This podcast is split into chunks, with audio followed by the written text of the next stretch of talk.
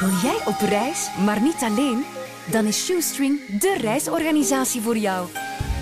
Met een groep single reizigers van jouw leeftijd ontdek je samen de meest avontuurlijke bestemmingen.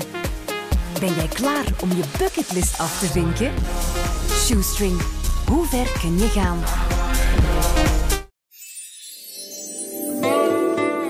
Het leven begint bij 40. Inspirerende podcast voor de 40-plusser. En we hebben alweer een nieuwe gast in onze podcast Het Leven begint bij 40. We hebben vandaag eigenlijk onze allereerste professor te gast. eh, Ja, spannend en heel boeiend. Ik kijk er enorm naar uit. De verwachtingen zijn hoog. Dag meneer eh, Johan Braakman. Goedemorgen. Vindt u het zelf ook fijn om hier te zijn? Absoluut. En meteen maar de vraag, begint het leven bij 40? Of vindt, want u vindt veel dingen eh, die zo beweerd worden nogal flauwekul. hebben we al gemerkt. Dit zal er ook zo in zijn. Ik- ik- ja, ik vrees het wel. Ja, ja. Maar snapt u waarom mensen het wel eens zeggen? Ik- ja vermoedelijk wel. Maar ehm, kijk, het is alsof je, alsof je dan de, de 40 jaar daarvoor niet geleefd hebt. Dat vind ik toch een hele rare uitspraak.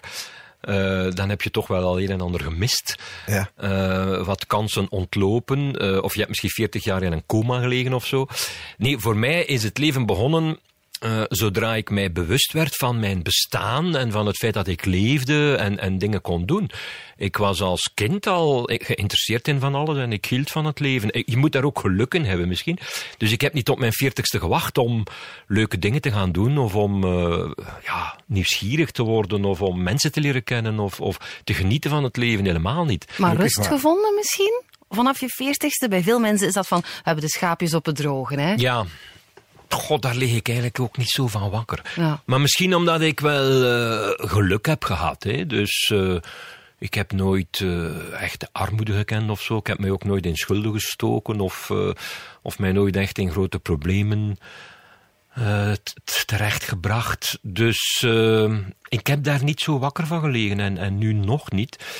Ehm, misschien lig ik er, ben ik er nu wel iets meer mee bezig, omdat ik nu wel zo wat eh, meer op de hoogte ben van, van rekeningen en de bank en zo. Terwijl ik toen ik twintig of dertig was, heb ik daar, eh, was ik daar totaal niet mee bezig.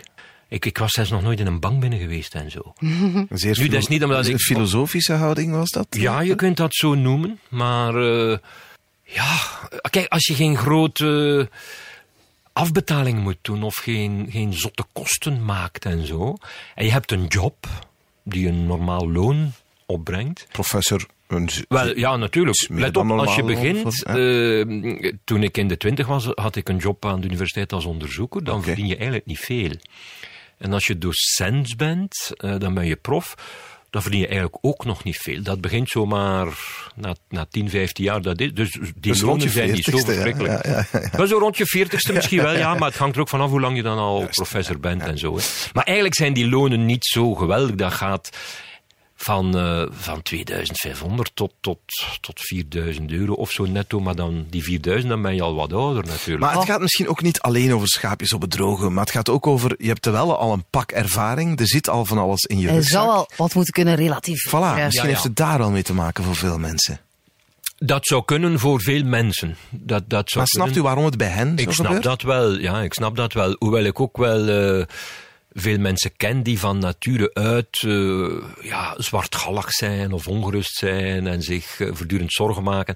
Want je bent dan misschien zelf wel wat meer in staat om je eigen leven te relativeren. Maar mensen hebben dan kinderen en Mhm. dan zorgen die kinderen voor zorgen.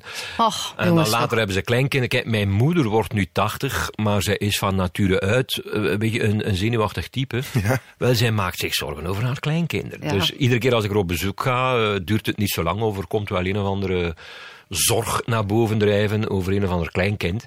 En dan moet ik haar kalmeren en dan zeg ja, loopt, komt allemaal wel goed. Er is al, voor sommige mensen is er altijd iets om je zorgen over te maken. Of je nu 20 of 30 of 50 of 80 bent. Dus Je moet een beetje geluk hebben in je persoonlijke psychologie ook, denk ik. Hoe je tegen het leven aankijkt. En geen kinderen hel- hebben helpt Geen kinderen ook wel een beetje. hebben hè? helpt absoluut. Ja. Dus ik heb er geen. Ik Bewust voor gekozen om er geen te Vrij bewust voor gekozen. En eh, nu, nu niet omdat ik eh, dacht van ik wil die zorgen niet of zo. Maar mijn, mijn leven was gewoon, ja, te, te, zat vol met allerlei andere zaken. Eén. toffe, interessante zaken. En twee, ik heb ook nooit de behoefte gehad om een kind eh, of kinderen te hebben. Ook mijn partners niet. En ik ben er nu wel, ik ga niet zeggen dolgelukkig, omdat dat klinkt zo raar. Hè? Want ik hou ook wel van kinderen. Ik heb nichtjes, neefjes en zo. En vrienden van mij hebben kinderen. Ik vind dat plezant en leuk. Maar Dat ik ben iets, ook ja. blij, ja, om het nu toch maar zo te zeggen, dat ik er zelf geen heb. Ja. Kijk, er is daar redelijk wat onderzoek over. Eh, kinderen hebben verminderd gemiddeld genomen. Hè. Dat is een statistiek. Het geluksgevoel van mensen. Je, je, bent, je bent nooit meer vrij van zorgen. Je moet opletten wat je met je geld doet. Je kunt je tijd niet zo vrij. Ja, ik, ik doe met mijn geld en tijd min of meer wat ik wil met mijn partner. Eh, je, je hebt je job natuurlijk, maar, maar verder, als wij de vrijdagavond willen gaan eten, ja, dan gaan wij gaan eten. Hè? Ja, ja, ja. Enzovoort. Maar mensen die kinderen hebben, willen misschien wat opsparen voor de kinderen. eh, ja, hun tijd wordt voor een groot deel opgeslorpt door de kinderen, enzovoort enzovoort. Maar Dus klopt het gemiddeld verhaal dat- genomen ben je minder gelukkig met kinderen. Goed, dat gaan ouders met kinderen Ja, natuurlijk niet zo Ja, maar nee, nee horen, ik, maar, ik, eh, ik kan me daar wel ergens eh, in vinden. Maar, Maar de wel meesten gelukkig. Maar- bevestigen maar je- dat ook na twee glazen wijn. Hoor. Eh, Dat Maar- is ook mijn ervaring. ja, Ja. Eerst zeggen ze dan nog, maar je krijgt er zoveel voor terug. hè. En Ja. dan, oh, als ik de tijd kan terugdraaien. Ja. Ja. Nee, maar een goed opvangnet helpt ook wel. Als je ouders in de buurt hebt wonen, mm, dat doet veel. maar hè? we leven natuurlijk steeds meer versplinterd, zal ik maar zeggen. Je kent je buren niet, je woont verder weg van je ouders, eh, ook van je grootouders. Eh, vroeger natuurlijk woonden we met grotere families samen, dicht bij elkaar. De buren kwamen binnen langs de achterdeur, dus je kon al sneller eens die kinderen verdelen over de buurt en over de mensen. Dat is nu niet meer het geval. Dat heeft voor- en nadelen. Er was vroeger natuurlijk ook veel meer sociale controle. Ik bedoel, iemand die nu bij zijn ouders of grootouders in, inwoont en, op, en, en als volwassene, dat, dat is niet meer denkbaar. Dat is ook niet meer wenselijk misschien. Maar we zijn er, ja, we zijn geïsoleerder en eenzamer geworden en staan er meer alleen voor. Dat is de prijs die we daarvoor betalen. Ja. Ja. En als er geen kinderen zijn, dan wordt dat misschien ook nog wel weer wat, wat pittiger naar de toekomst. toe. Sommige mensen maken zich daar zorgen over. Ik ga alleen en eenzaam eh, Ja. achterblijven. hè. Dat is inderdaad een probleem. Ja, dus als je geen kinderen hebt, dan riskeer je natuurlijk, stel dat je eh, weduwnaar of weduwe, of, of je hebt nooit een partner gehad, en je zit zo 10, 15 jaar in een rusthuis en er is echt niemand die jou komt Mhm. Kan eenzaam dat zijn, is hè? natuurlijk een zeer treurige kwestie. Maar ik vind dit op zichzelf niet echt een goede reden om wel kinderen te hebben. Als je zegt, ik heb schrik om, om als ik oud, eh, oud ben, eenzaam te zijn, dus ga ik nu kinderen hebben, dat, dat is een raar kun je ook in de steek investering. laten, natuurlijk, hè. Als je al een kind wil, dan doe je dat voor dat kind op zichzelf. En niet omdat het een soort middel zou zijn later om jouw eenzaamheid te bestrijden. Ik las wel eens ergens, maar ik weet niet of, of u dat zo letterlijk gezegd hebt, dat geen kinderen hebben, dat dat ook nog op een andere manier een bewuste keuze kan zijn. Dat dat voor de planeet eigenlijk al bij al geen slecht nieuws is. Ik, kan, ik durf het wel eens gebruiken wanneer ik, wanneer ik het verwijt krijg en het werkt nooit. Hè, want mensen worden heel kwaad van als mensen zeggen, vliegt jij nu alweer naar het buitenland? En dan zeg ik, ja, maar ik heb geen kinderen. Mijn ecologische voetafdruk Ja, ja, valt ja, goed. Nee, ze vinden het een flauw excuus, maar het klopt ook wel ergens. Ja, het klopt wel, maar aan de andere kant, ik weet niet of ik dat ooit zo gezegd heb. Mijn, mijn mentor, eh, Etienne Vermeers, eh, gebruikt dat wel als argument. Ik ben er zelf wat sceptischer over, omdat eh, het is niet alleen het aantal mensen op de planeet dat telt, dat speelt natuurlijk evident een rol. Maar het is eigenlijk vooral wat die mensen doen. Zie je? Dus moesten wij allemaal eh, op een zeer ecologisch bewuste manier leven, dan kunnen er nog misschien een miljard mensen bij. Ik zeg maar wat, hè. dat zijn moeilijke berekeningen. Tuurlijk. Maar als we allemaal willen leven, zoals de gemiddelde Texaan bijvoorbeeld, dan, eh, dan zijn we met 3 miljard te veel. Nee, dus het hangt er maar vanaf wat mensen ook doen. Dus ehm, dat is een lastige kwestie.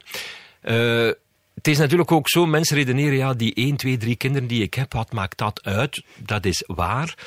Maar wij zijn moeilijk in staat om het grotere plaatje te zien. Hè? Eh, op het moment dat wij hier een paar uurtjes samen zitten, komen er ongeveer 200.000 mensen bij op de planeet. Dat is een gigantisch aantal, alleen op een paar uur tijd. Dus op een dag zijn er dat een paar miljoen al, of, of- dat, dat- dus dat is gigantisch. En wij hebben eigenlijk niet de mentale vermogens om dat goed in te schatten. Nu let op, het hoeft niet per se een een enorm probleem te zijn. Hè. Dus die demografische toename in de jaren 70, 80 maakten we ons daar heel veel zorgen over. Terecht wel. Maar dat gaat nu wel de goede kant uit. Ik ben daar op een voorzichtige manier wel optimistisch over. Dat mensen minder kinderen hebben hier in het Westen. Ja, het daalt sowieso naarmate dus het, uh, het opleidingsniveau van vrouwen uh -huh. stijgt. Dat is het allerbelangrijkste. En het is de voorbije twintig jaar sterk gestegen. Ondertussen zitten we aan 80% wereldwijd van meisjes die tot hun achttiende naar school gaan. Uh -huh. Dat, dat, dat is dus een zeer positief iets. Hè. Het is nog geen 100%, maar, maar bon, het is al veel meer dan nog maar enkele decennia geleden. Uh -huh.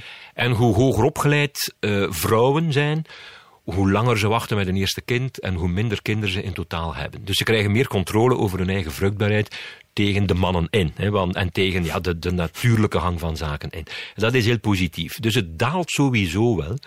Maar daarnaast moeten we natuurlijk ook uh, allerlei oplossingen bedenken voor mobiliteit en uh -huh. energie en, en, en van alles en nog wat. Hè. Dat is denk ik de grote uitdaging waar we als, ja, als menselijke soort voor staan voor de komende decennia. Maar ook daar zijn er wel voorzichtige indicaties dat het wel de goede kant uitgaat. Oké, okay. oef zeg. Hè? Tweede kind is bijna daar. maar um, dus voor al die ouders die misschien een beetje ja, hè, wat van een geluk moeten inboeten. Jij bent filosoof, jij denkt heel veel na over het leven. Wat maakt ons gelukkig? Of is geluk maakbaar? Ik denk het wel. Um, kijk, ik moet eerst zeggen, je hebt uh, wat men noemt een soort setpoint individueel. Daar, daar, hebben we wel redelijk wat onderzoek over.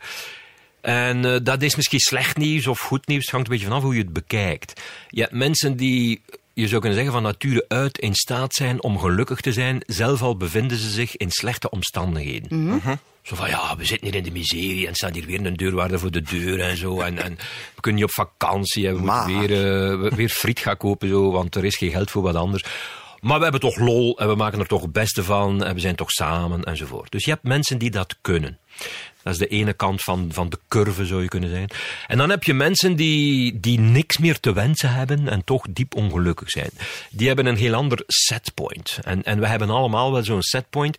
En daar daar heb je blijkbaar niet zoveel controle op. Dat is een beetje een mix van genetische factoren, van uh, neurochemie, dus hoe, hoe, je brein in elkaar zit, de stoffen die je brein aanmaken enzovoort. Je kunt dat misschien wel een beetje beïnvloeden met Prozac of dat soort dingen, mm. maar dat is ook niet per se wenselijk. Hangt er een beetje vanaf natuurlijk, hoe erg het zou zijn.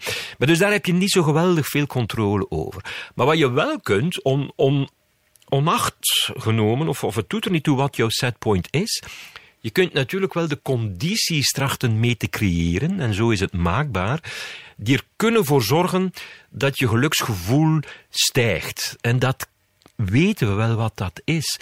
Op de eerste plaats is dat, je, je wees er eigenlijk zelf al op, is dat een sociaal netwerk. Ja. Mm -hmm. Dus als je vrienden, vriendinnen, familie hebt, mensen waar je van houdt, die van jou houden, waar je mee overeenkomt natuurlijk ook, hè, dat je niet voortdurend ruzie hebt enzovoort. Mensen waarvan je weet, kijk, ik doe ertoe in die hun leven. En zij doen ertoe in mijn leven. Ik kan om twee uur s'nachts die persoon bellen, en zeggen, ik sta hier in pannen op de Brusselse ring. Uh, jij woont wel in Oostende, maar wil je mij niet komen halen? En die doet dat. Ja. ja. dus dat soort mensen.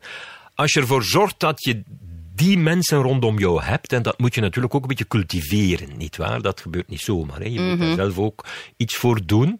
Als je dat hebt, dan, dan dat, dat is al ontzettend veel waard. Dat is al ontzettend veel waard. Daarnaast zijn er andere zaken, zoals zingeving. Als je dus een, een soort doel hebt in je leven, dat is voor veel mensen hun kinderen. In die zin zijn kinderen zeer zeker positief. Mm -hmm. ze, ze, houden je, ze houden je gaande. Ze zijn de zin in je leven, ze zijn het doel in je leven. Ja, dat, is, dat is belangrijk. Dat is een soort egoïstische reflex, maar bon, het is, het, het is een positief iets.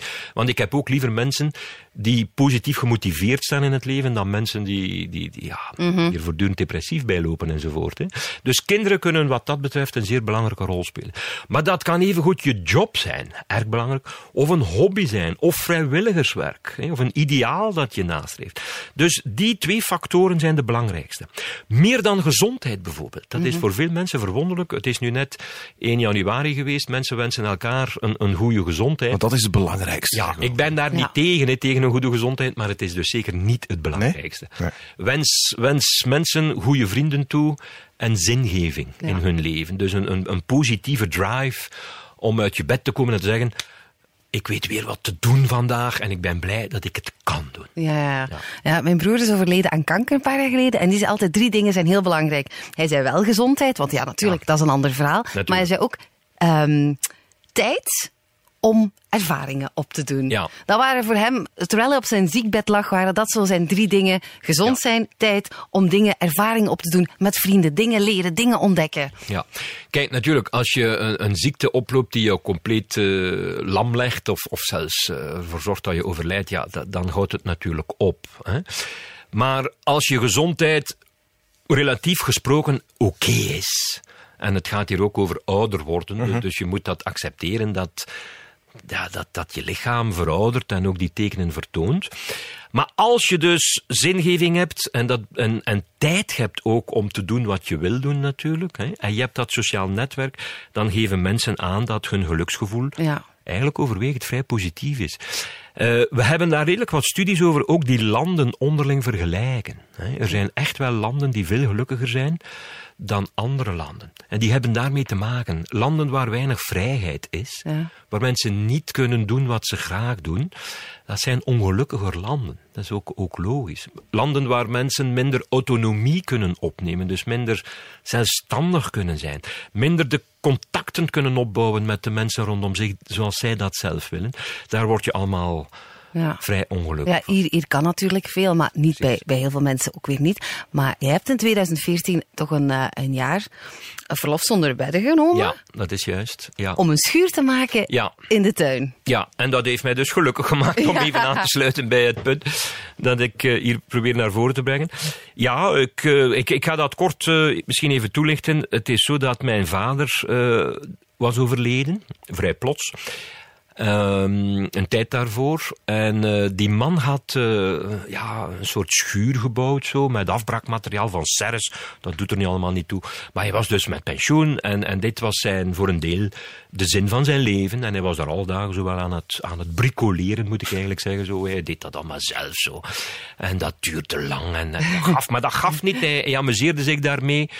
Ehm, hij vond dat een uitdaging om, om, om een zware balk in zijn eentje met een katrol die hij zelf fabriceerde zo, op de juiste plek te krijgen. en Zo. Dat kon dan een week duren, maar dat gaf niet. eh, dat, dat, dat hield hem bezig op een zeer positieve manier. Hè. En mijn moeder was ook blij dat hij daar niet constant eh, naast haar in de zetel zat, eh, terwijl zij naar, naar haar televisieseries keek. Dus, dus dat, was, dat was goed voor iedereen. Maar hij is dan plots overleden en... ehm, die schuur bevindt zich ook in mijn eigen tuin. Hè, want wij, hebben, wij, wij wonen aan, het, aan dezelfde tuin. Ja. En eh, dan sta je voor het probleem, wat doe je daarmee? Dat was, laten we zeggen, zo half af. Je kunt dat niet afbreken. Je kunt niet zeggen, ja, bon, weet je wat, ik laat wel een bulldozer komen of zo, en we breken dat helemaal af. En we, we zaaien daar gras over of zo. Want emotioneel gesproken, dat was mijn vader zijn, zijn ding. Zijn levenswerk van de laatste tien jaar van zijn leven. Dus dat ging niet. Eh, je kon het ook niet laten voor wat het was. Want dan wordt dat een ruïne, dan gaat dat stuk, want er, er lag maar een half dak op en zo. Dus eigenlijk had ik maar één optie, dat was om dat zelf te gaan afwerken. En eigenlijk is dat nu net zoiets typisch, zo'n project dat je gelukkig kan maken, waar je zin mee kunt geven aan je leven. En het kwam voor mij ook wel goed uit, omdat de job op de universiteit, ik zit daar ook al vrij lang in, eh, ik had gewoon ook zelf nood aan, aan eens iets anders. En ik heb dan maar een jaar verlof zonder wedden genomen. eh, om die schuur af te werken. En vrienden en familie hebben daarbij geholpen. Ik heb dat natuurlijk niet alleen gedaan. En dat was alleen al om die reden een zeer aangenaam jaar. En die schuur is ook effectief afgewerkt Ja. geraakt. Ja. En je wordt gebruikt nu? Hij wordt ook gebruikt. ik, hoor daar, ik organiseer daar nu lezingen in. En, en stand-up comedy en muziek en Oh, theater en zo. wat eh. tof. En, en iedereen mag daar naartoe komen. Maar was je dan ook gelukkiger in dat ene jaar, vraag ik mij dan Wat is af? dat onthaasten ook, waar mensen zoveel eh, over spreken? is dat het zo? Ja, ik, kijk, ik, ik, ik hou zo niet van die buswoorden of ik weet het, maar ja, het zijn wel de woorden die je Ont, voortdurend onthaast heb ik nu toch al lang niet meer gehoord. Ja, maar ja, veel mensen willen dat op die leeftijd soms wel doen. Noem het dan wat, wat, wat rust Ja. of stilte Ja. of kalmte inbouwen, die agenda wat eh, vrijmaken af en toe. Ja, wel, kijk, ik denk het probleem is niet zozeer dat een mens het druk heeft. Want toen ik eh, dat jaar verlof zonder wedden had, had ik het eigenlijk ook wel druk. Want ik wist altijd wat te doen. En ik wist, was, was altijd met iets bezig. Eh, en dat is, dat is eigenlijk altijd zo. Ik heb altijd een boek te lezen, een artikel te schrijven. Een, een, ik wil altijd wel met iemand praten of ik moet een lezing voorbereiden. Ik weet altijd wat te doen. Um, en dat is oké. Het alternatief voor mij zou verveling zijn en, en, en dat lijkt mij ook niet aangenaam. Dus ik ben blij dat ik altijd meer weet wat te doen, meer plannen heb dan ik kan realiseren. Het probleem is denk ik eerder dat mensen zo vaak datgene moeten doen wat ze eigenlijk niet graag doen, wat ze niet willen doen. We weten uit onderzoek, en ik vond dat toch verbijsterend, dat twee, twee op drie Vlamingen houdt niet van de job die ze doen. Ja. Erge. Dat is onvoorstelbaar. Dus, dus dat, dat is denk ik het allergrootste probleem. Nu, ik hou gelukkig wel overwegend van mijn job aan de universiteit, hoewel ik toch ook moet zeggen, het is moeilijk om daar een percentage op te kleven, maar een deel van de tijd uh, ja, besteed je aan dingen die je eigenlijk liever niet doet. Hè, waarbij je het gevoel hebt van, wat ben ik hier aan het doen? Ik, ik, ik moet een artikel schrijven, ik moet een les voorbereiden. Dat, dat is wat ik moet doen, wat ik ook wil doen en wat ook echt de inhoud van de job zou moeten zijn. En dat wordt soms moeilijk. Hè. Je, je stopt veel tijd in zaken die louter bureaucratisch zijn Mhm. of die nergens naartoe leiden enzovoort. Maar goed, in mijn soort job valt het natuurlijk al bij al erg mee. Maar heel veel mensen hebben dus blijkbaar een job, tot twee derde van de mensen in Vlaanderen, waarvan ze zelf zeggen: Ik hou helemaal niet van de job. Maar goed, ja, het brengt eh, brood op de plank en ik moet nu eenmaal het huis afbetalen en de kinderen moeten naar school en, enzovoort. Dat vind ik hallucinant. Hallucinant, maar dat, we, gaan, we gaan dat toch niet kunnen oplossen, hè? Of toch? Wel, ja, kijk, ik, ik zou nu kort door de bocht kunnen zeggen, eh, als je in dat geval zit, zoek een andere job. Maar dat is moeilijk, hè? Maar voor dat is natuurlijk, dat mensen. weet ik, voor veel mensen moeilijk. Aan de andere kant, mensen zijn misschien ook te, te berustend vaak. Hè. Ze, mensen zijn gewoontedieren. En ze nestelen zich ergens in de situatie waarin ze zich bevinden. Dat kan een job zijn, dat kan een relatie zijn, dat kan de buurt zijn waar ze wonen, dat kan van alles zijn. Alsof er geen uitweg is. Er is eigenlijk altijd wel een optie. Hè? Je kunt natuurlijk ook als je 40 of 50 of 60 bent, voor mijn part uiteraard, je kunt je herscholen. Je kunt zeggen, waarom zou ik niet eens gaan solliciteren ergens totaal anders. Wie weet uh, is het daar aangenamer, past dat beter, ligt mij dat beter enzovoort. Ik vertel soms graag het verhaal van zo'n een, een tandarts die in de 50 was en die aan het klagen was over zijn job. Hij zei, ik zit hier elke dag in die mond te kijken van, van mensen zo en dat bevalt me helemaal niet. Altijd die tanden, het is altijd hetzelfde, een tand trekken, een tand vullen enzovoort. Ik ben dat eigenlijk zo beu als koude pap. En dan vroeg iemand, maar waarom heb je dan ooit voor de job van tandarts gekozen of voor de studie? En dan zei die man, ja, maar ik heb daar niet voor gekozen. Die jongen van 18 heeft daar inderdaad Ja, voor ja. gekozen. En dat is juist. Hè. Je kunt op een bepaald moment in je leven enthousiast zijn over iets, maar twintig jaar later misschien niet meer. Kun je het beu zijn, mensen evolueren ook. Dus blijf niet steken in zo'n situatie. Herschool je dan, zou ik zeggen. Eh, er zijn genoeg voorbeelden van mijn, mijn eigen zus. Mijn oudste zus heeft al, al vijf, zes jobs gehad. Ze is buschauffeur geweest, ze heeft een winkel gehad. Ze is nu cipier of, of penitentiair beambte, moet ik zeggen, in, in de gevangenis. En waarom niet? Als het je een beetje begint beu te worden, zoek dan iets anders. Het is niet, niet dat er geen jobs zijn, hè. Natuurlijk, ja, je kunt niet om welke job vinden, maar er is aanbod en er zijn mogelijkheden tot herscholing en bijscholing enzovoort. Maar zo komen we misschien wel terug bij het onderwerp. Het leven begint bij 40, want dan zitten veel mensen zo 15, 20 jaar in een carrière. We zitten in een situatie waar je net over spreekt. En wat wel opvalt bij heel veel van onze luisteraars, maar ook bij gasten die er voor u al waren in deze podcast, is dat het daar toch soms voor veel mensen net om die reden een kantelpunt is. En dat er daar toch soms wel mensen durven de stap zetten om eens iets anders te gaan doen. We hadden minister Gats die uit de politiek is gegaan. Anne Keurvels die een beetje gedwongen was om iets anders te gaan opzoeken. Eh, omdat eh, actrices op die leeftijd dat het allemaal wat moeilijker wordt. Maar zij was helemaal niet ongelukkig met de stap die ze Voilà. gezet had. Hè. Dat Ja. was heel opvallend. Ja, dus dat, dat, dat hoor ik graag. Dat beaamt mijn punt, zal ik maar zeggen. Eh, minister Gats, die, eh, is die niet bij de bierbrouwers? Ja. Wel ja, dat lijkt mij toch een buitengewoon aangename job. Heeft van zijn hobby zijn werk even kunnen Als je maken. graag ja. eens een, een biertje proeft. Dus, dus waarom niet? Hè? Dus kijk, als mensen gelukkig zijn met wat ze doen. En ze doen dat 40, 50 jaar. Ja, waarom niet? Als, als, als dat is wat je doet. Als je denkt, ik ben er goed in. Ik hou ervan. Ik heb nog eh, ja, de drive om dit nog een paar decennia. Ja, blijf het dan doen, uiteraard. Hè. Maar als je het gevoel hebt, ik heb het eigenlijk gehad, uh, of ik ben er niet meer zo goed in, of de jongeren steken mij voorbij, of wat dan ook. Er kunnen allerlei redenen zijn waarom mensen vinden het beste is er af. Waarom zou je dan niet zoeken naar wat anders, waar je opnieuw geluk uitpuurt en opnieuw het, het frisse hebt enzovoort. Hè. Dus begint het leven op 40? Wel ja, als je, het kan ook eindigen als je 40 wordt in die zin. Als je dus denkt, ja, uh, de, het scherp is van de snede, vanaf nu is het allemaal bergafwaarts. Ja. Dat, dat, zo zijn ook veel mensen mm -hmm. die zo in het leven staan na hun 40ste, denk ik dan, uh, dan houdt het leven misschien op bij 40. Hè? Dus, dus, dus doe wat je graag doet. Tracht te doen waar je goed in bent. Omring je met de juiste mensen. Vermijd saaie mensen. hè? Zorg dat je. Tot nooit meer, Sven. Ga veel op reis. Hey, wel, ja, nee, ja. ik zeg het heel bewust, want u reist niet zo ontzettend graag. Nee, oké, okay, ja. wel, ja, ik ga soms wel op reis, hè, maar natuurlijk, en ik ben daar dan altijd wel blij om. Maar ik moet ook eerlijk zeggen, ik vind het zo'n beetje gedoe. ik, ik, ben gewoon iemand die, die, die zeer gelukkig is, en echt waar, zeer gelukkig zo. Als ik uh, met, een, uh, met een goed boek in mijn zetel zit. Ja. Oh. Je, en ik leg wat muziek op. En, en ik kan de rest van de dag uitkijken naar lezen in een boek dat ik echt wil lezen. En ik lees alleen maar boeken die ik echt wil lezen natuurlijk, want ja, er zijn er zoveel die ik echt wil lezen. Uh -huh. En ik luister naar de muziek waar ik uh, van hou. En, uh, en misschien dan s'avonds kan ik met mijn vriendin dan iets gaan drinken of iets gaan eten of zo. Dat zijn de mooiste dagen die er zijn. En dat café is ook maar 300 meter ver. Ja. Dus waarom zou ik dan moeten reizen? Hè? Ja. Uh, PDW, Patrick de Witte, helaas overleden, heeft zo'n boekje geschreven dat heet Blijf thuis. Daar zit veel wijsheid in.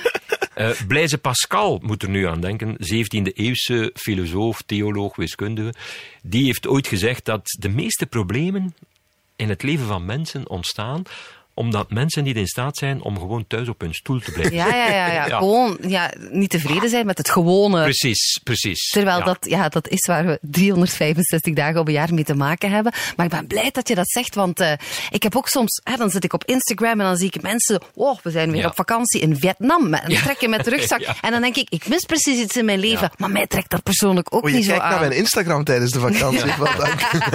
Nee, maar ja, zoveel mensen die zoveel reizen, die dan zeggen van, oh, je wordt daar als mens van. Ja. Je moet dat doen. Maar ik durf, ik durf dat toch nog wel te zeggen, dat, dat, je- dat je dat, dat andere culturen zien en daar keer in, Natuurlijk. in een hele andere wereld komen. Maar ik ben daar niet tegen. hè. Nee. Ik heb zelf ook wel een beetje gereisd en ik heb, ik heb een jaar gestudeerd in de Verenigde Staten en dat was voor mij ook zeer belangrijk. Dat heeft mij ook gevormd en zo. Mijn leven had anders verlopen en mijn persoonlijkheid zou misschien anders zijn, had ik die ervaring niet gehad. En ik heb er ook nog wel een paar andere gehad. Dus, dus ik ben daar niet tegen. ja. Maar het, het, het hoeft niet zo per se ook voor mij. Ja, Dus, dus- dus, maar kijk, als mijn, als mijn vriendin mij een beetje sleurt en zo, ja, wa- waarom niet? Maar, ach, die koffer pakken en, en, en dat, Dat vliegtuig, douane, ja. Ik kijk zo'n beetje op tegen het gedoe. Eens ik dan ergens op een plek ben, dan, dan ben ik wel blij, dat geef ik toe, dan ben ik meestal wel blij dat ik er ben. Hè, want ja, je, je ziet dan die stad en dat museum of Ja. dat natuurpark en je ontmoet die mensen en... En ja, natuurlijk, hè. ik sta er ook wel positief tegenover. Maar het wordt misschien ook wel wat overschat. Het is, het is een gigantische industrie. Mhm. Mensen, eh, zo- zoals, je zegt, eh, zijn vaak ongelukkig. Slecht omdat ze niet twee keer op reis kunnen gaan per jaar of naar exotische streken. En ze zien dat anderen dat dan wel kunnen enzovoort. Je moet dat allemaal een beetje relativeren. En je moet je verzetten tegen wat men in het Engels noemt het keeping up with the Joneses syndroom. Dus, dus de Janssens bijhouden. De Janssens, dat zijn je buren. En om nog even terug te komen op dat het geluksgevoel en wat ons gelukkig maakt en wat ons ongelukkig maakt, is natuurlijk ook belangrijk. Blijkbaar zitten wij zo in elkaar, toch in onze cultuur, dat als je ziet dat je buren, de Jansens, de Jones, of je vrienden, je familie, je schoonzus, eh, je collega's, dat die allerlei dingen zich kunnen permitteren en kunnen doen die jij niet kunt doen, dat zou kunnen je ongelukkig maken. Je moet kunnen bij, bijbenen, je moet de Janssens kunnen bijbenen, dat Ja. is zo jouw maatstaf. De buren een nieuwe auto, ja, dan zou ik het eigenlijk toch ook moeten kunnen. Ja, de ja. buren op wintervakantie, dan moet ik het eigenlijk toch ook kunnen. Maar je moet niet de buren als referentiepunt nemen. De Janssens, de Joneses, die moeten jou niet kunnen schelen. Een veel beter referentiepunt zijn je grootouders. Hmm. Of misschien nog beter je overgrootouders. Als ik naar mijn overgrootouders, enfin, ik heb die niet gekend, maar mijn grootouders dat is eigenlijk al voldoende. Zo in de jaren jaren 60, 70, die mensen hadden niet eens stromend water, letterlijk. Ja, dus uh, die gingen nooit op reis enzovoort. Hè. Dus als, we, als je je vergelijkt met, met twee generaties terug, dan heb je alle redenen, objectief gesproken, om bijzonder gelukkig te zijn. Mm.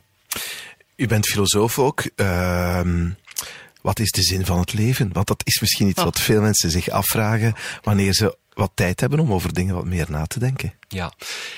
Wel, dat is natuurlijk een lastige kwestie, maar ik denk dat de vraag naar de zin van het leven met hoofdletters, dat dat een pseudo-vraag is. Mm -hmm. Dat is zo, zoals vragen wat ligt er ten noorden van de Noordpool.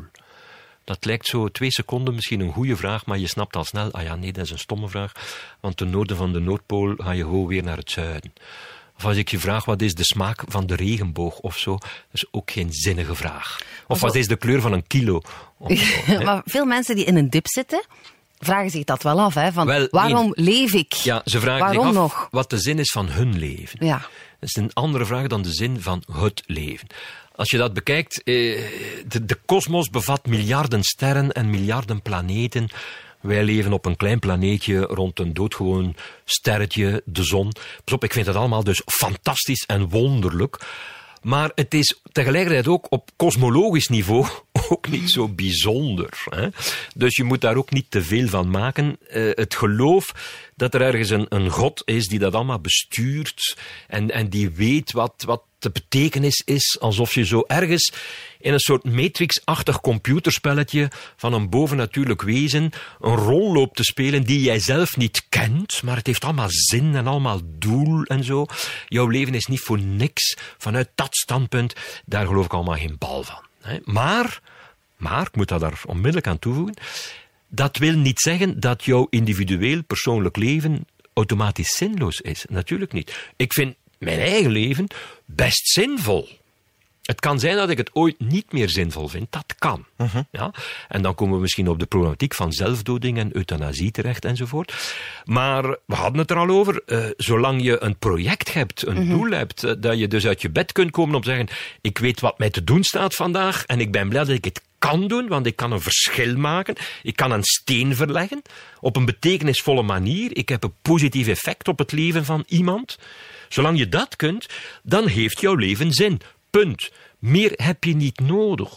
Waarom zou mijn leven zin moeten hebben op een soort kosmologische schaal zo? Waarom zou het moeten passen in een, in een puzzel die, die een god heeft gelegd voor het hele universum en ik ben daar ergens een, maar een dat, stukje dat in dat, dat fijn, boeit mij niet. Maar dat vind ik wel fijn om te weten, om, om dingen te relativeren. Als ik Ja. zo echt in, in een drama queen bui ben, denk ik van, oh, maar wat- wie ben ik? En dan gaat het weer, snap je? Dat ja, zo- precies. Dus het, het, eh, het plaats je misschien met, met je voeten op de grond. Maar eh, kijk, het, het echte probleem is niet zozeer. Wat is de zin van het leven met een grote hoofdletter Z van zin of leven met een grote hoofdletter L? Want dat heeft geen zin. Het leven is een paar miljard jaar geleden per toeval ontstaan. Dat wij hier rondlopen, dat, daar zit ook toeval in. Dat geeft geen diepere betekenis. Ja.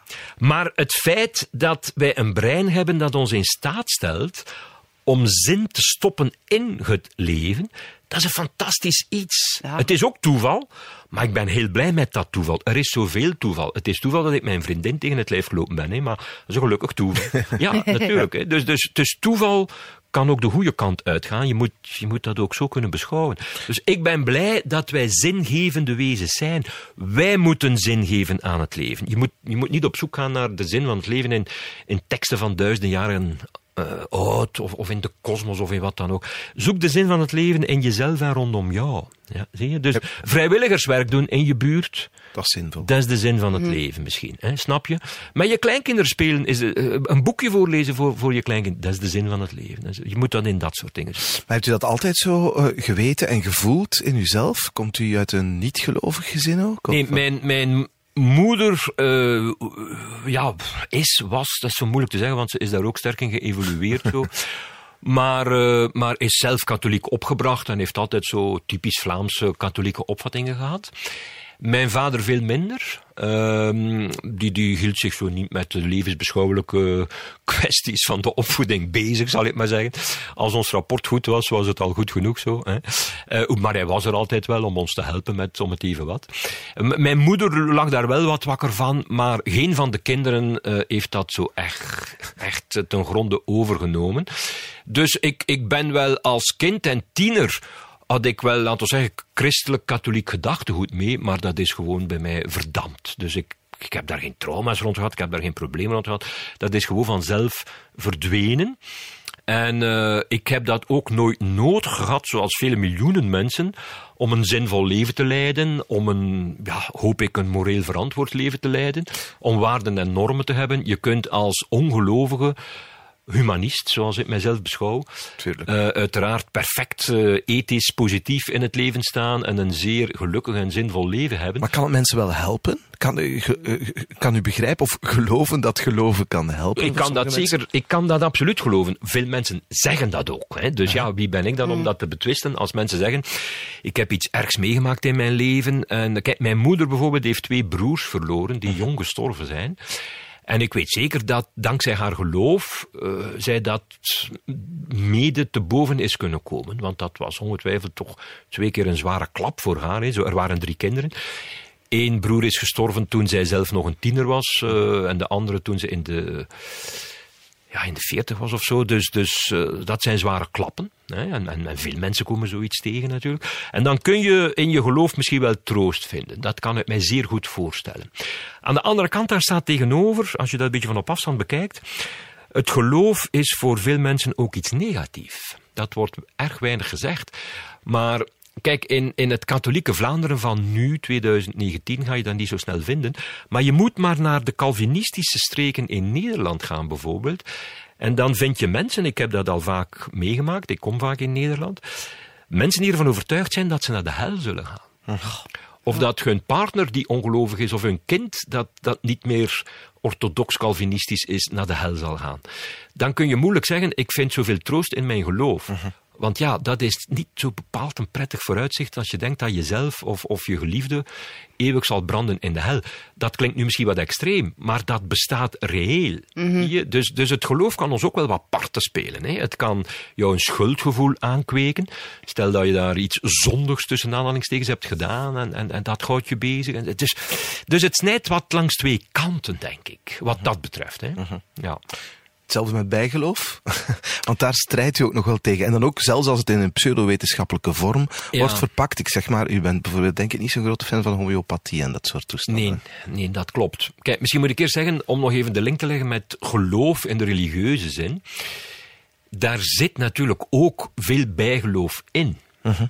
Een, een katholiek vindt het islamitisch geloof eigenlijk ja, doordrongen van bijgeloof. Als je naar de hindoes kijkt, die mensen zijn extreem bijgelovig vanuit ons perspectief enzovoort. Dus de ene religie beschouwt vaak de andere als een vorm van bijgeloof, natuurlijk. Dat, dat, dat is evident.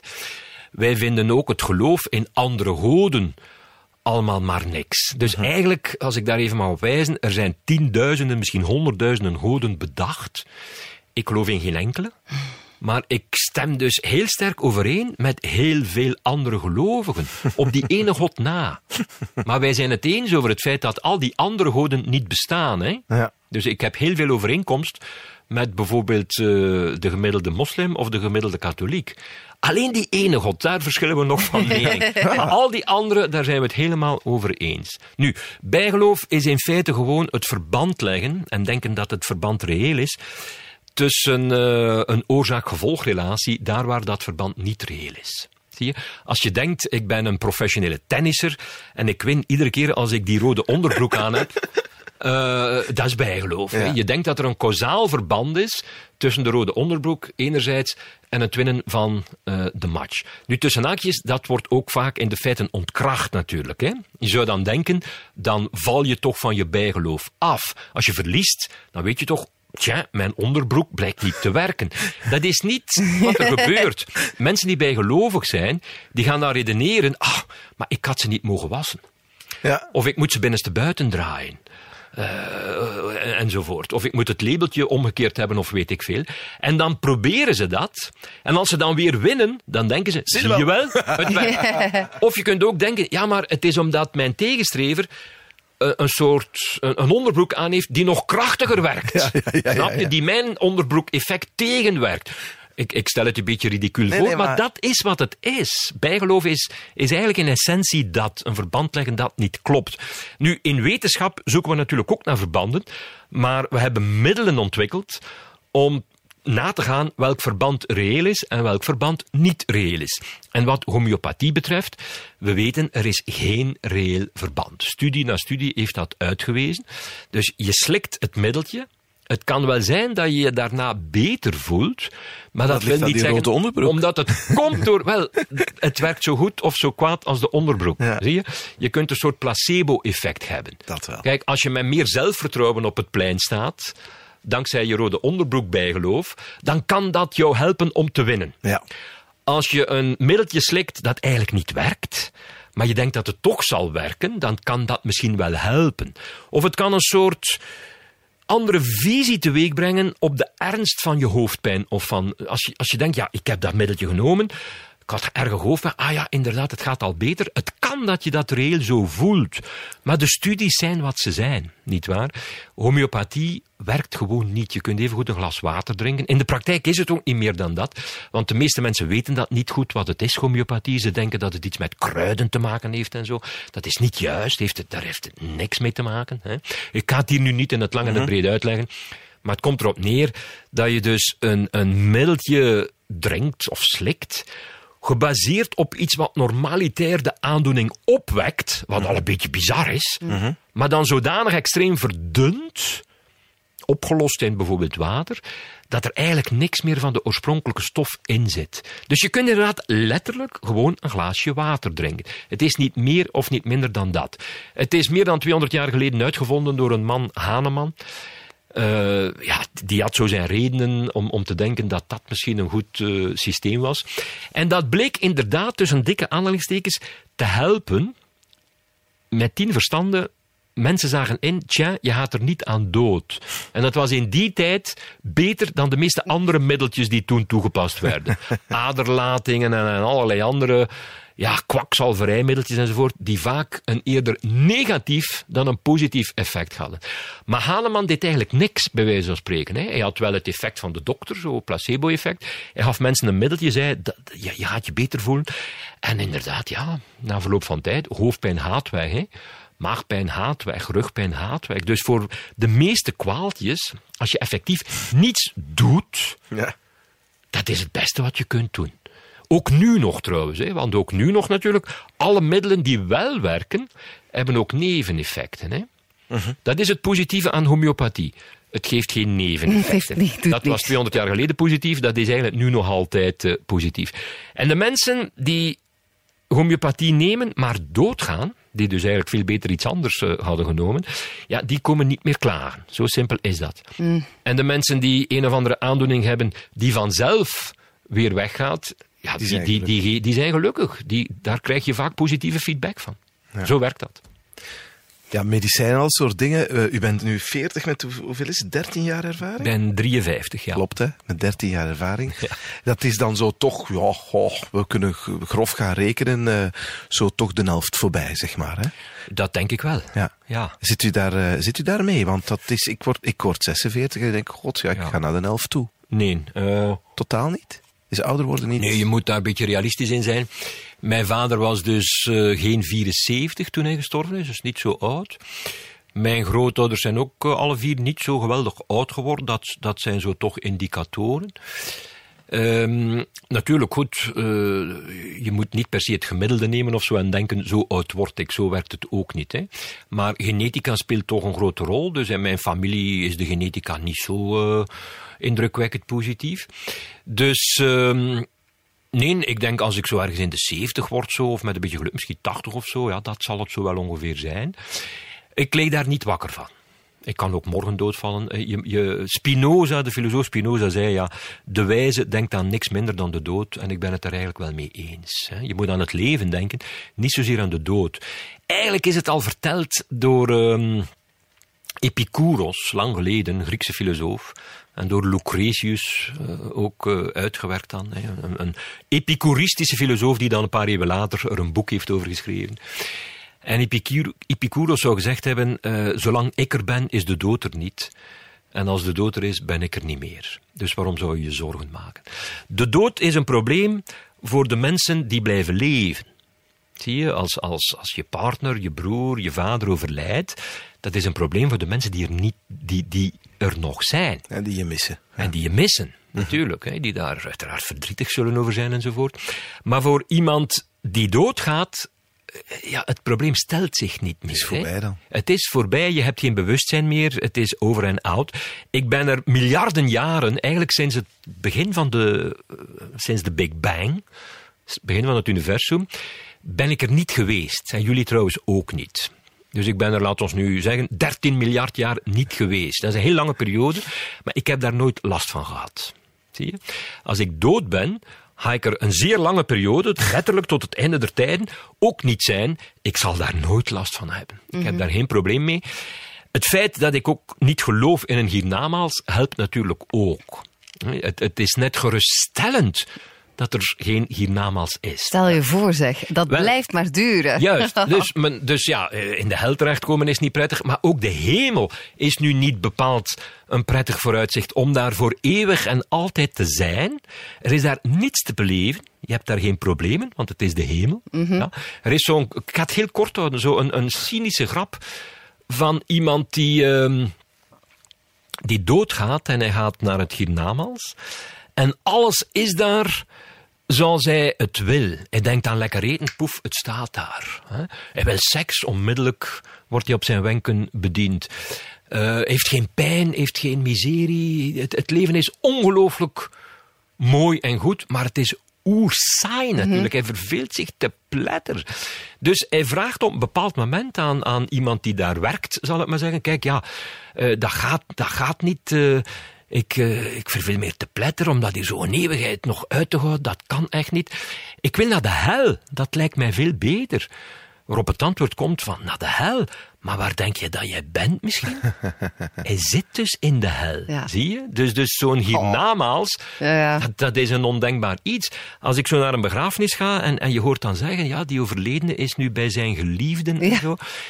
Ja, maar die geliefde, je wil daar ook niet 24 uur op 24 uur zo eeuwig en altijd bij zijn natuurlijk. Hè? Dat, dat, dat- dus, dus dat houdt eigenlijk geen steek. Ja. Nee, het allerbeste wat ons kan overkomen is dat het met de dood gewoon ophoudt. En dat zal naar alle waarschijnlijkheid ook zo zijn. Sterven is wel een probleem. De periode voor je dood bent. Als je ziek bent, als je aftakelt, als je pijn hebt, als je lijdt, dat is een probleem. Maar gelukkig hebben we geneeskunde, hebben we een euthanasiewet en, en kunnen we daar ook steeds meer en meer autonoom mee omgaan. Hè. Je kunt je geboorte niet kiezen, maar je kunt tot op zekere hoogte wel je sterven en je dood meehelpen bepalen. En dat vind ik buitengewoon positief. Maar ik word heel rustig eh, door dit gesprek. Johan, echt waar, ik vind het heel aangenaam. En je komt heel, als, echt als een contente mens over bij mij. Dat Is ben ik overwegend, maar niet altijd. Hè. Ja, maar, je, maar je, je, je bent in staat om kritisch genoeg te denken om alles te relativeren, lijkt mij. Ja, let op, ik, ik, kijk, ik weet ook wel wat mij kwetsbaar maakt, hè, zoals elke normale mens, denk ik.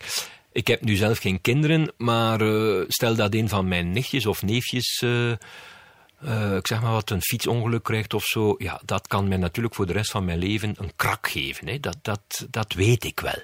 Gelukkig, ik heb het nog niet meegemaakt, ik hoop het nooit mee te maken. Ik weet niet hoe ik daar zou tegenover staan, maar ik kan mij inbeelden dat mij dat extreem zou traumatiseren en, en mijn geluksgevoel drastisch zou verminderen en de zingeving in mijn leven misschien zou wegnemen of toch, of toch voor een bepaalde periode. Maar dat kan ik niet voorspellen, dat weet ik niet. Maar bijvoorbeeld mijn vader die gestorven is, ja, ik, ik, ik vind dat heel erg jammer, maar ik kon dat snel en makkelijk plaatsen. Zie je, ja, wat, wat ga je anders doen? Ook mijn eigen dood, die, die, die er onvermijdelijk zit aan te komen, ik kan dat plaatsen. Je, je moet daar vrede mee hebben. Dat, dat, je moet dat niet op jou laten wegen, dat heeft ook geen enkele zin. Maar dat wil natuurlijk niet zeggen dat ik volstrekt apathisch ben of stoïcijns ben tegenover alles en nog wat. Natuurlijk niet. Hè? Maar het gaat me gewoon ja, over het feit van hè, kritisch denken vind jij heel belangrijk. Ik vind het heel fijn om mezelf dingen wijs te maken. Snap je? Ik leef graag in mijn eigen sprookjeswereld waarin Ja. ik mijn eigen waarheid creëer. Oké. Doe jij dat dan nooit? Ja, waarschijnlijk wel, hè. Waarschijnlijk wel. We leven allemaal wel met eh, illusies. En illusies kunnen misschien tot op zekere hoogte positief zijn. Toch denk ik dat overwegend het streven naar, ja, tussen aanhalingstekens waarheid of, of meer betrouwbare inzichten, meer objectieve informatie. Ik denk dat dat op lange termijn eigenlijk beter is. Ja. Eh, jezelf wat wijsmaken of laten wijsmaken. Ja, je, je zou zo kunnen zeggen, er zijn mensen, ik kijk, eh, stel dat mijn partner mij bedriegt of zo, ik wil dat niet weten. Ik heb, ik heb liever de illusie dat het allemaal... Ik wil het echt niet weten. Ja, goed. Maar aan de andere kant, ja, stel dat het zo is. Mm. Dat is ook niet prettig, want dan, dan leef je in die illusie. Hè? Dat, dat, dat, lijkt mij ook zo'n soort pseudo-geluk te zijn. Ja. ja? Eh, dus, dus het is een filosofische optie ergens. Ja. Het is allemaal heel persoonlijk. Ik, ik, kijk, in het evangelie van Johannes staat er, de waarheid zal u vrijmaken. Ja, ik, ik, ik geloof daar wel in. Dus ik zou ook willen weten, bijvoorbeeld, ehm, moest ik drager zijn van een of andere gen, dus in genetica, dat mij eh, ja, over enkele jaren of zo een, een, een ziekte zou berokkenen waar ik eh, zou aan overlijden. Ik wil dat weten. Dan kan ik mijn leven daar nu al op afstemmen. Hoe beter geïnformeerd ik ben, hoe meer controle ik over mijn leven kan hebben. Niet dat ik een controlefreak ben, hè, maar je kunt dan met de mensen nog praten, je kunt doen wat je nog wil. Je, ja, ik zou, ik zou dat voor mijzelf in elk geval liever hebben. Ik heb over het algemeen liever de waarheid tussen aanhalingstekens, dan dat ik in illusies leef. Wat er zich de, u zei daarnet, toch zo'n beetje een, een wilde schatting de komende 20, 25 jaar in het leven. Het kan nog een heel pak meer zijn, laat ons dat hopen, dat er nog aankomt. Ehm, wat daar u nog gaat overkomen, dat, dat weet u dus eigenlijk toch niet. Wat zou u nog willen doen? Zijn daar nog dromen? Of is gewoon dat boek en die muziek en dan in de schuur een lezing, is dat het? Dat hoop ik eh, zal er nog lang deel van uitmaken, want daar put ik veel voldoening uit en veel plezier uit. Eh, centraal is eigenlijk heel voor mijzelf, zolang ik nieuwsgierigheid en interesses heb, dan kan ik nog wel een eindje voort. Dus moest ik op mijn ziekbed liggen, stel nu, eh, of, of lange tijd immobiel zijn. Goh, ik zou dat niet zo'n verschrikkelijke ramp vinden, eh, zolang ik naar films, documentaires, muziek, eh, gesprekken met mensen, boeken. ja, dat, dat, dat is prima hoor. Ik heb toen ik 16 was eens bijna een jaar thuis gezeten van school, omdat ik een dubbele longontsteking had gehad. Ik was daar zeer ernstig ziek door. Ik heb dan maanden echt moeten revalideren zo.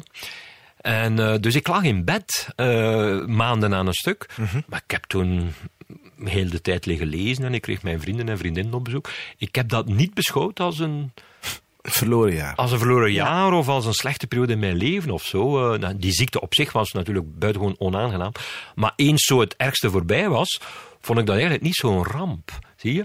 Maar er is natuurlijk nog wel meer dat ik wil doen. Hè. Ik wil ook nog wel een boek schrijven. Hè. Eh, dat is mij al een paar keer gelukt. Dat is een zeer vol, geeft heel veel voldoening. Dus ik hoop dat ik daar de tijd en de courage voor vind, want dat is niet zo makkelijk. Ik wil graag lezingen en lessen blijven geven. Dat is ook iets wat ik eh, graag doe. Dus ik heb wel bepaalde ambities, hè, maar, maar die, die, die liggen niet, ik weet niet waar. Je moet daar ook realistisch in zijn. Ik weet de dingen die ik kan, ik weet wat ik kan. En ik weet dat ik sommige dingen nog kan verfijnen, kan verbeteren. Dat ik nog, nog een boek kan schrijven dat hoop ik dan beter zou kunnen zijn dan wat ik tot nu toe heb gedaan. Ik weet dat ik lezingen kan geven die misschien beter zijn dan de, die die ik tot nu doe. Wel, dat is wat mij bezighoudt. Los van natuurlijk de mensen rondom mij heen en, en, en andere positieve zaken. Eh, ik, ik wil graag nog opiniestukjes schrijven en, en, en al dat soort zaken. Dus, dus dat kan ik gerust nog 20, 30 jaar volhouden hoor, is geen enkel probleem. Dat is een geruststelling. Ja, ja, Ja. Kijk, het punt is, als ik dat kwijt zou geraken. En ik heb wel mensen gekend in mijn eigen omgeving aan de universiteit. die het op een bepaald moment kwijt waren. Die geen zin meer hadden om les te gaan geven. Ze deden het wel, maar, maar het was gewoon de plaat opleggen zo. Of die, goh ja, er is daar weer een nieuw boek uit over hun vakgebied, maar pff, het zal mijn tijd wel duren. eh, terwijl als er iets verschijnt van een auteur die ik waardeer, dan ik wil dat zo snel mogelijk lezen. Snap je? Ik heb, ik heb voortdurend van die pre-order dingen zo op Amazon. Dit boek komt over zes maanden uit. Wel, ik bestel dat, hè, want ik wil zo rap mogelijk wil ik dat lezen. Ik wil de manuscripten al lezen, nog voor het boek er is en zo. Dus zodrang, zolang ik die drive heb, zit ik goed. Ja. Tenzij er iets dramatisch gebeurt binnen de privésfeer, hè, dan, dan, dan weet ik het niet. Ja. Is er nog iets wat u wil zeggen aan onze veertigers die luisteren, die misschien toch denken, ja, het leven begint bij veertig, wat de professor ook beweert.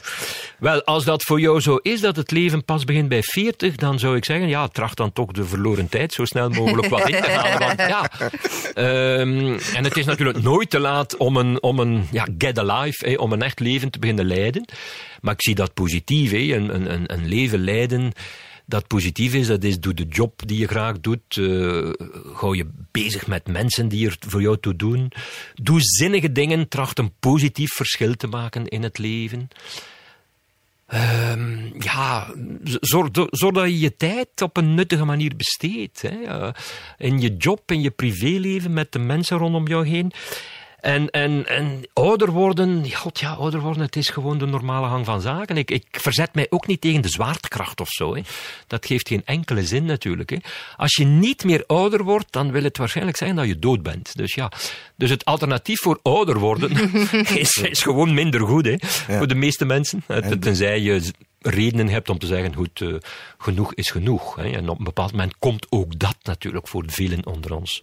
Voilà. Mogen wij u danken voor deze zeer inspirerende... Ik wil jullie danken, het was mij zeer aangenaam. Dank u voor de uitnodiging. Dank u wel.